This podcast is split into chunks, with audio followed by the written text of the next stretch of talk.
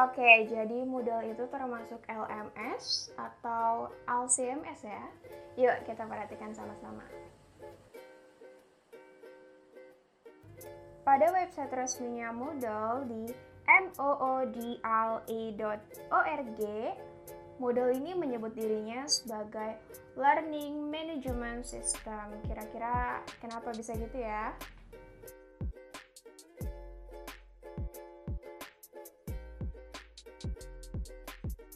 Oke, jadi secara umum learning management system ini sebenarnya emang merupakan sistem yang dirancang untuk mengelola perencanaan kegiatan belajar nih.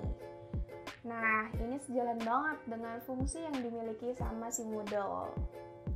Moodle ini dapat dikatakan sebagai sebuah learning management system karena Moodle ini berfungsi mengelola program pembelajaran atau pelatihan virtual dengan sistem yang dimilikinya.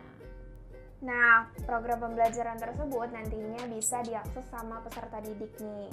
Nah, pendidik atau guru juga bisa dengan mudah ngasih feedback ke peserta didik melalui platform yang sama.